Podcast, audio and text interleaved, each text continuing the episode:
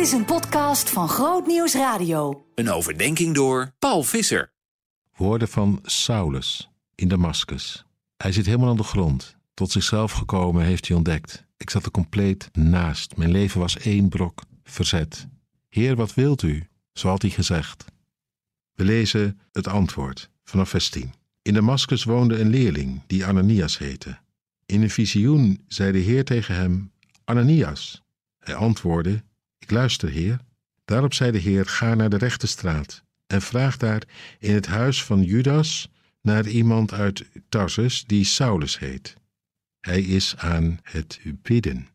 En hij heeft in een visioen gezien hoe een man die Ananias heet binnenkomt en hem de hand oplegt en hem om hem weer te laten zien. Ananias antwoordde: Heer, van veel kanten heb ik gehoord over deze man en over al het kwaad dat hij uw heiligen in Jeruzalem heeft aangedaan. Bovendien heeft hij toestemming van de hoge priesters om hier iedereen die uw naam aanroept in de boeien te slaan. Maar de Heer zei: Ga. Apart, waar komt die Ananias vandaan? Nou, dat weten we niet precies, maar God heeft hem op het oog.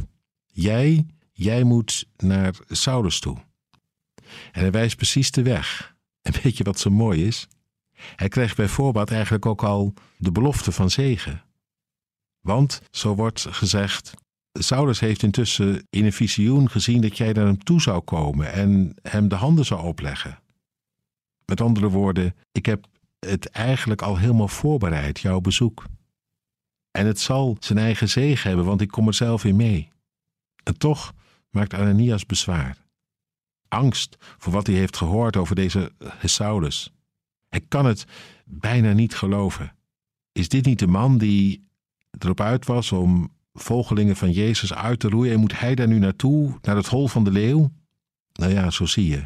Het duurt soms even voordat wij erin meekomen, in dat genadige van God. Dat wij denken, ja, maar dat kan toch niet? Terwijl het intussen al gebeurd is, want Saulus is al gebroken. Heeft zich al overgegeven. Mooi hè? Wel goed om te bedenken. Niet te gauw het idee hebben dat dingen niet kunnen. Waar Christus is, gebeurt het onmogelijke. Het geheim achter het hele verhaal is dit. Dat ene zinnetje.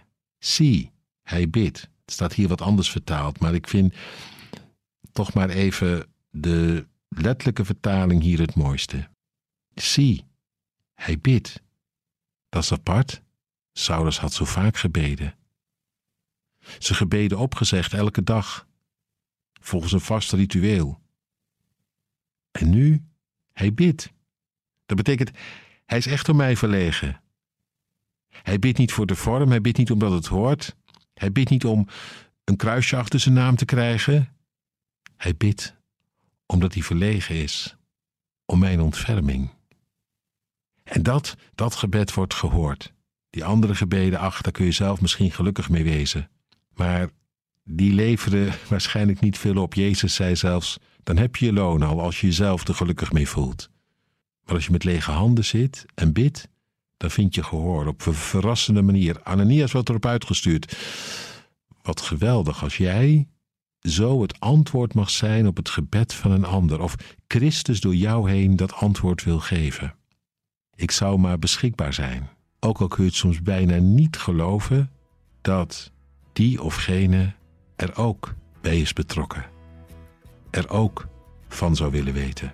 Laat je me sturen, laat je me leiden. Als de geest erin meekomt, dan kan alles.